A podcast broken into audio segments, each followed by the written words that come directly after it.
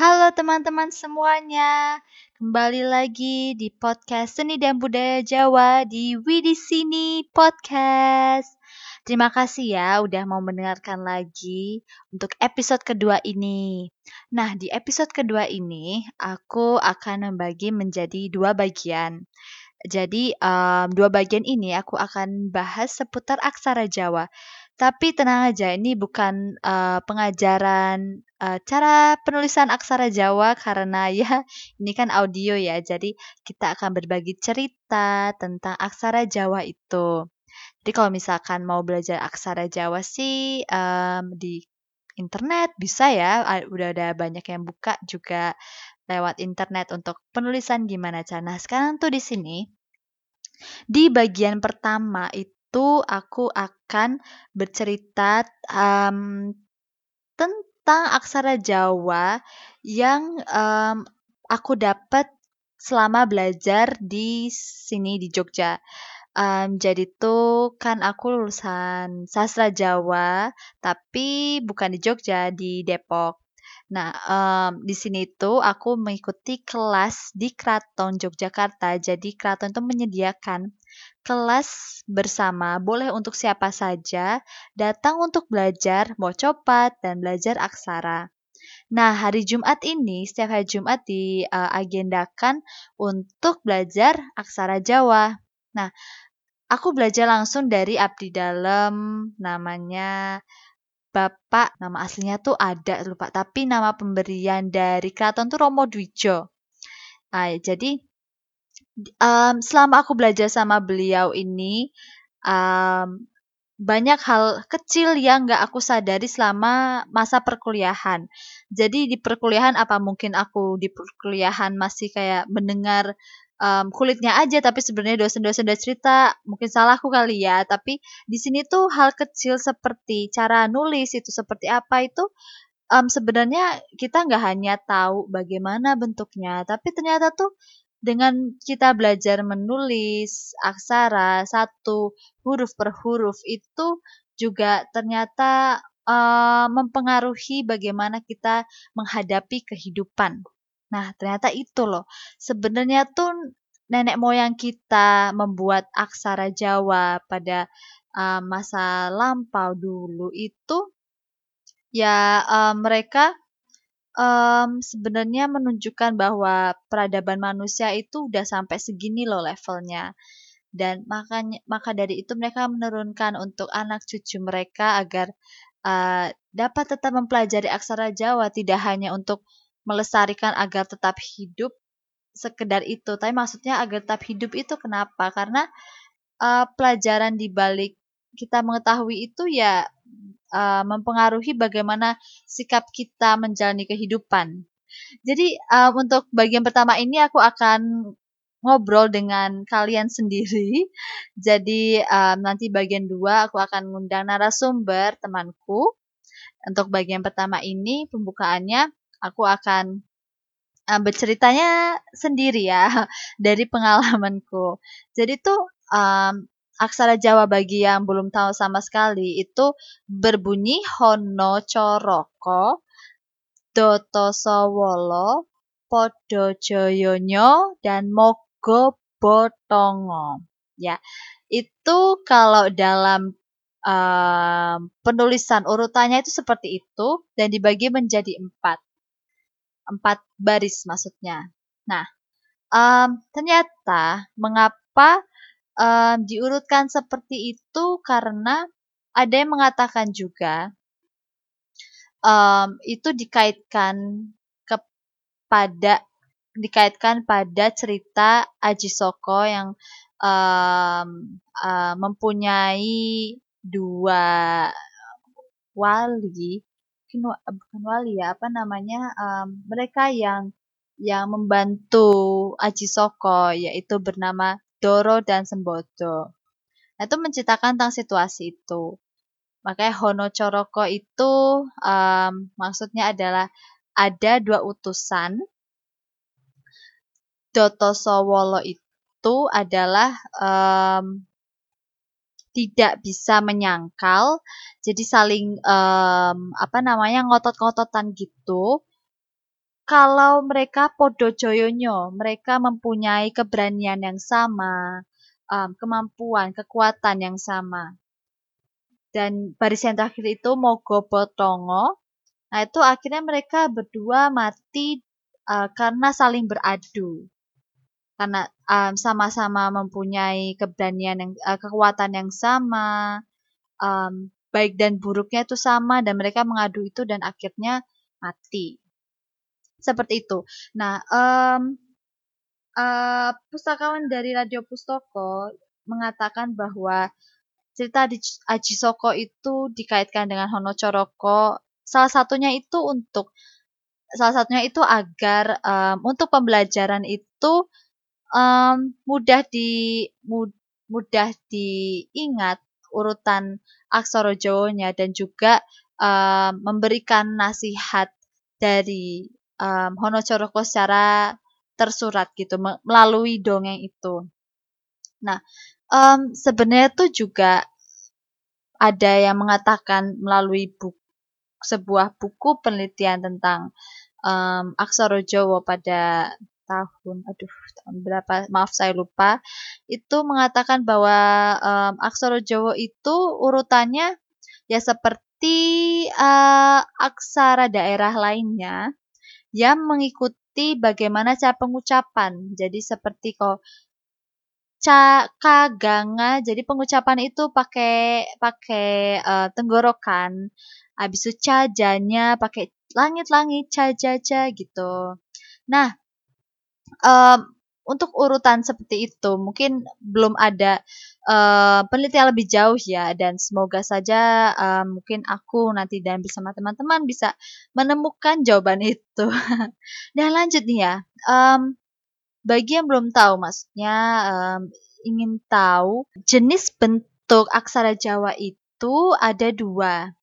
Um, bentuknya itu boto sarimbe, sa, maaf, um, boto sarimba sama um, ngetumbar. Jadi itu kenapa disebut sebagai botos dan um, ketumbar, ngetumbar itu karena bentuknya um, bentuk aksara Jawa yang boto sarimba itu kotak-kotak dan sudut-sudut ya seperti bata, batu bata. Dan kalau yang ngetumbar itu lebih lingkar, lebih bulat-bulat yang sering kita temukan di sini. Jadi yang um, boto sarimba itu um, ya memiliki sudut-sudut lah.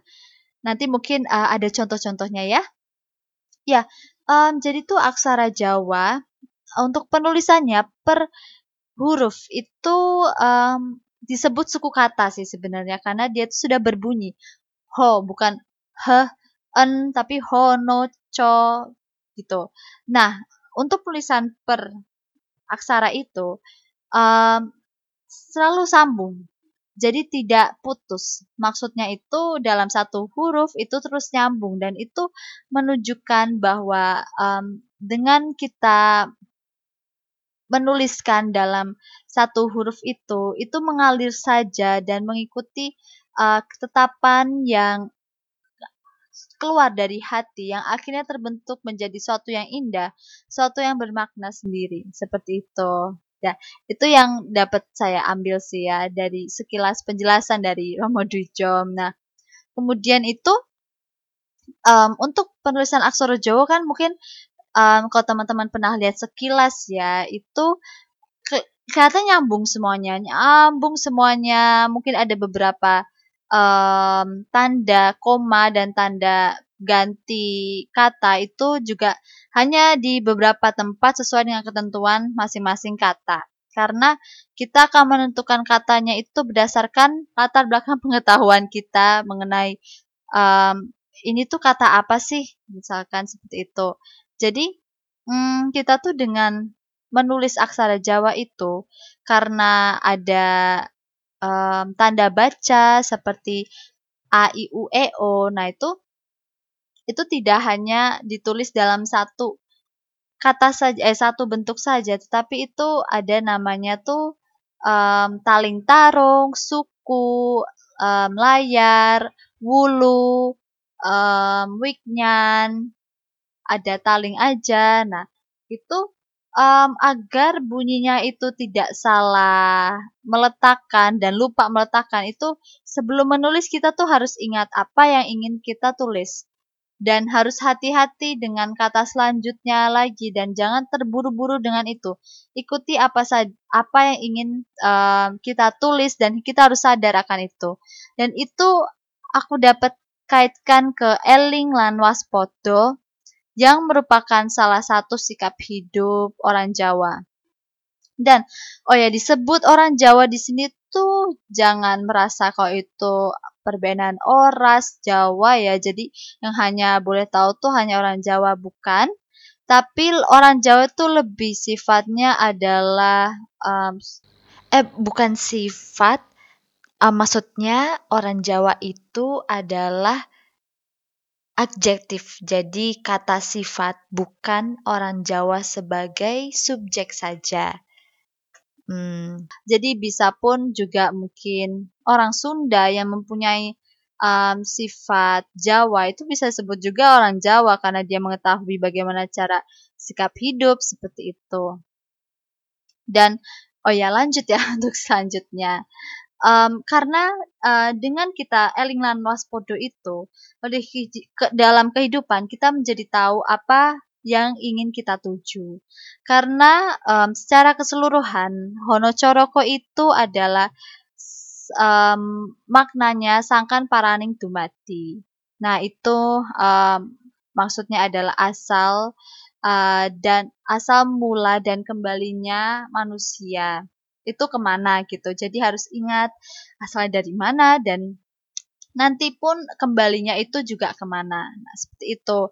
Um, jadi dengan kita pelan-pelan melakukan menulis, menulis aksara Jawa itu, pelan-pelan kita juga sadar dengan diri kita apa yang ingin kita ungkapkan. Seperti itu. Nah, um, karena dalam membaca semua teks lah, nggak hanya aksara Jawa, aksara Latin, dan semuanya itu um, kita tuh harus membacanya secara utuh. Karena kalau tidak itu akan um, apa namanya? Um, akan menceritakan hal yang berbeda dari apa yang disampaikan um, dari teks atau naskah tersebut. Karena aksara Jawa itu dari kata per kata penulisannya tidak ada spasi seperti aksara Latin. Jadi tuh untuk memahami sebuah konteks itu harus ada uh, pengetahuan apa arti dari sebuah um, kalimat tersebut, kata tersebut. Jadi untuk penggalan-penggalan perkata dapat dimengerti sehingga um, membentuk suatu kalimat yang utuh, konteks yang utuh yang dapat dipahami oleh si pembaca. Jadi memang tidak bisa um, untuk hanya setengah, belum sampai koma pun ada tanda koma yaitu pangkon atau pangku itu biasanya untuk menandakan koma atau akhir dalam sebuah kata atau kalimat juga bisa tergantung dengan penggunaan si penulis itu. Maka dari itu kami uh, sebagai pembaca harus memahami kata tersebut. Jadi harus bisa sedia kamus juga. Ini kalau uh, kontesnya membicarakan aksara Jawa dan penulisan dalam bahasa Jawa ya. Kalau dalam bahasa Latin tetap juga harus harus memiliki uh, latar belakang pengetahuan tentang bahasa tersebut karena penulisan dalam aksara Jawa tetap tidak ada spasinya. Nah, itu baru kita dapat um, menyimpulkan, oh ternyata maksudnya ini.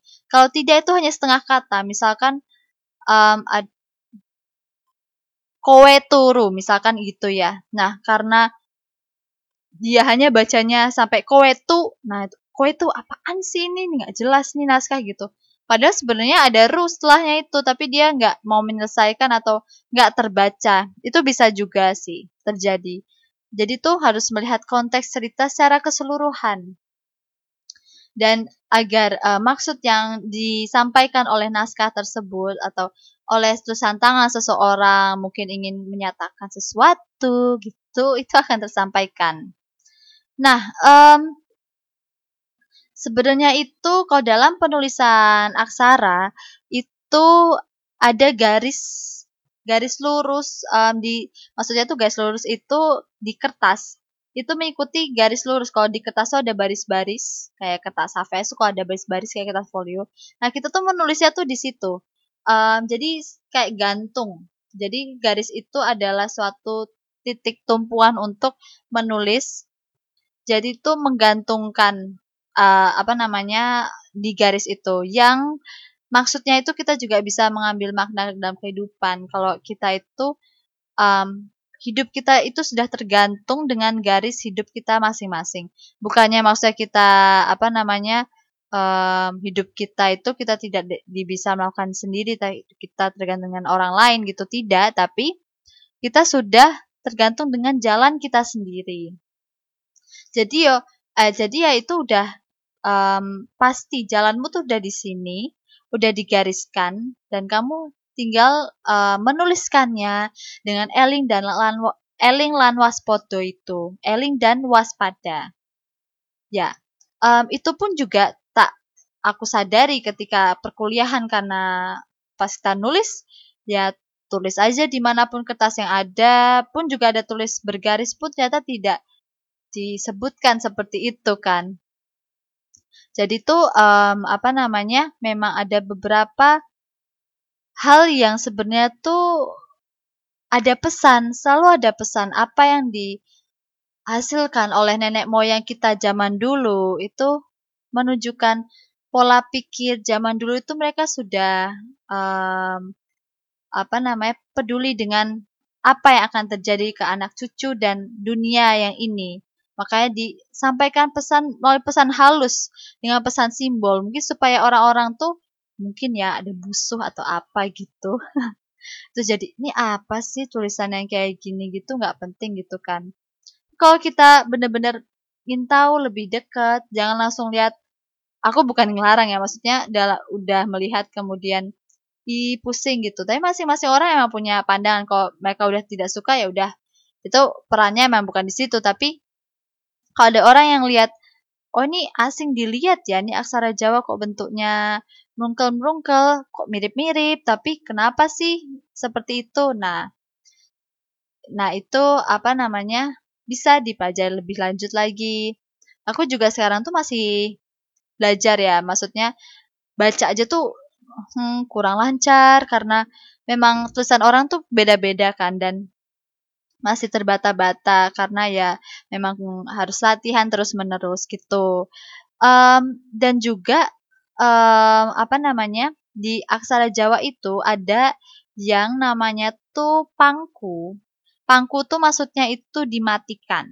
Nah, tapi ada dua aksara yang tidak bisa dimatikan. Dua suka atau dua huruf yang tidak bisa dimatikan.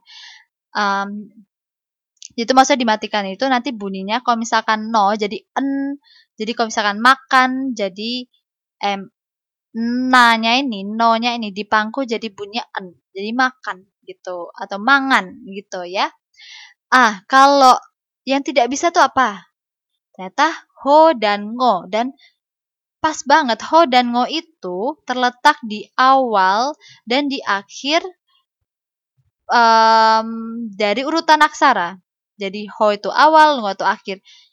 Terus kenapa mereka tidak bisa dipangko, dipangku atau dimatikan? Karena dia udah punya kalau ho itu adalah weaknyan yang nanti bisa kalian lihat sendiri di internet tuh bentuknya tuh kayak angka dua terus ada kayak cantolan gitu deh sama ngo itu dia namanya cecak Nah, itu di atas tuh kayak um, bentuknya checklist tapi ada bulat dikit. Nah, itu.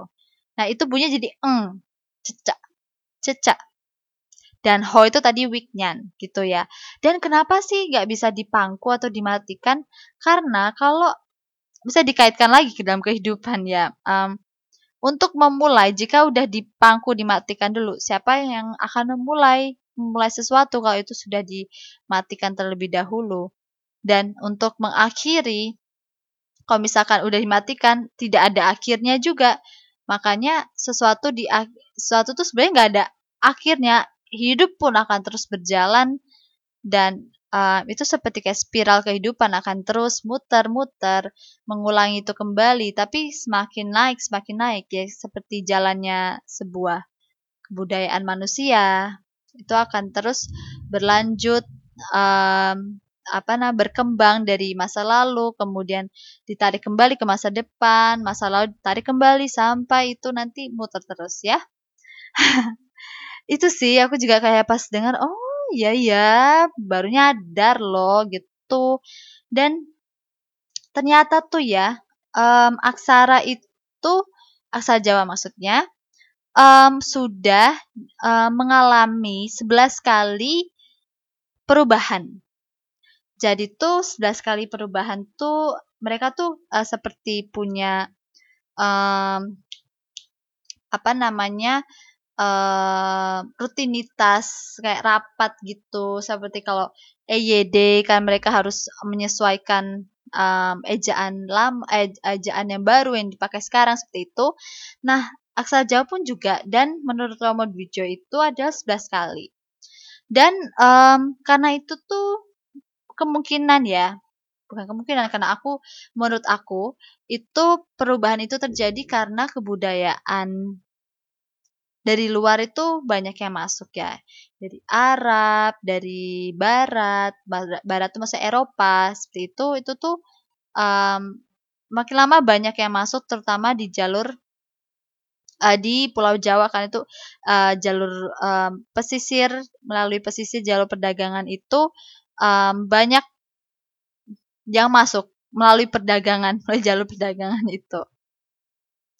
Nah, um, maka dari itu jadi ad, beberapa huruf, beberapa ya beberapa aksaranya, beberapa huruf itu um, ada yang sebenarnya itu ya sudah seperti po, ya bunyi kan po do joyonyo. Dan kita di dalam aksara Jawa itu tidak ada bunyi F. Kemudian ada penyesuaian baru. Huruf po itu diberi titik tiga di atasnya itu wa tiga sehingga berbunyi F. Dan F di sini tidak bisa dibedakan mau F atau V, yang penting bunyinya fa. Fa, fa, fa, fa. Karena um, aksara Jawa itu penulisannya itu menurut pengucapannya. Jadi mau misalkan Fortuna atau Ventura, nah itu tetap tulisannya itu menggunakan Po dengan titik tiga, meskipun itu Fortuna menggunakan F, Ventura menggunakan V, tapi uh, pengucapan tetap F, seperti itu. Jadi um, asal Jawa itu lebih ke seperti cara kamu mengucapkan sesuatu tuh seperti apa sih dan dituliskan ke dalam aksara Jawa. Kan kalau misalkan di aksara Latin itu untuk e dan e itu kan sama ya. Nggak ada um, diakritik kalau misalkan untuk untuk penulisan di dalam hmm, ketikan atau tulisan biasa nggak tar nggak dikasih caping atau kasih kasih thread gitu untuk membedakan e dan e. Tapi kalau di aksara Jawa itu ada namanya bernama taling tarung atau pepet untuk membedakan eh taling maaf taling untuk e, pepet itu untuk e. Seperti itu. Dan um, ya, oh ya kembali untuk um, mengalami perubahan itu.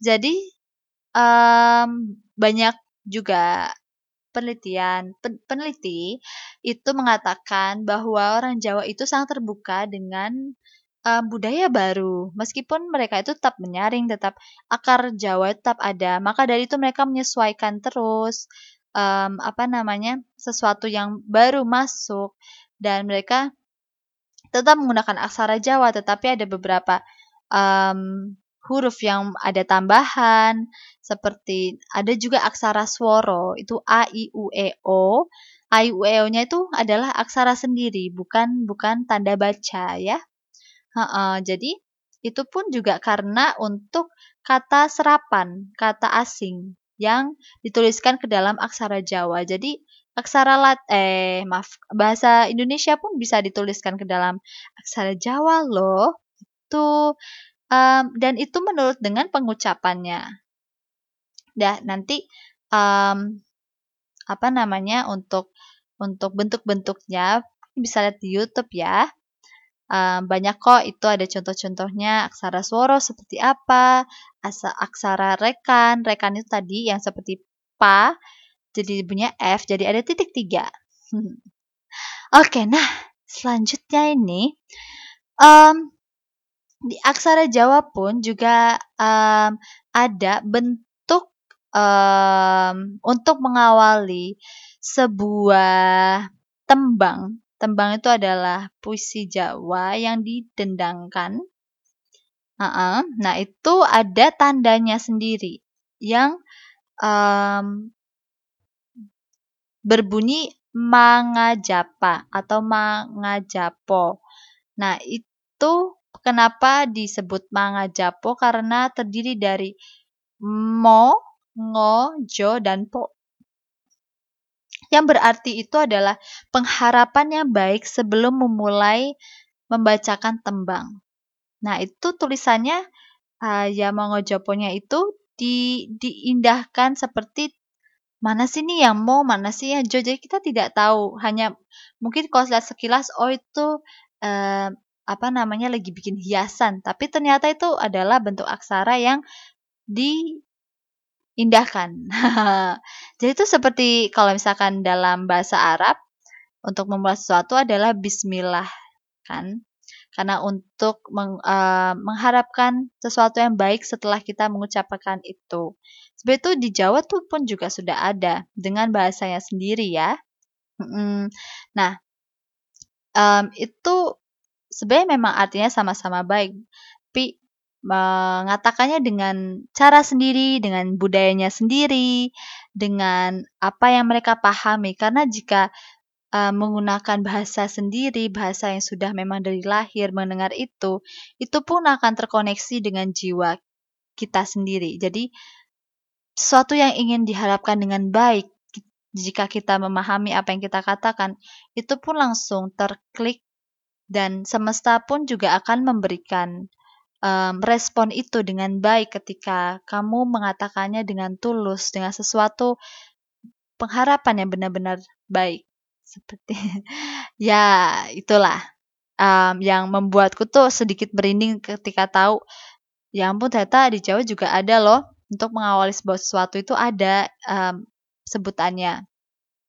Dan untuk penulisan surat ternyata pun juga ada untuk awalannya itu. Jadi um, apa tulisannya tuh uh, dia juga mirip-mirip seperti mangga japo, tapi disebut adalah podo ageng yang uh, merupakan uh, penulisan untuk ditujukan kepada orang yang lebih dihormati atau orang yang lebih senior. Itu nanti ada perbedaannya dengan yang sesama dan yang lebih muda. Jadi untuk seperti kayak yang terhormat, yang tercinta, yang tersayang seperti itu. Nah, itu juga ada perbedaannya.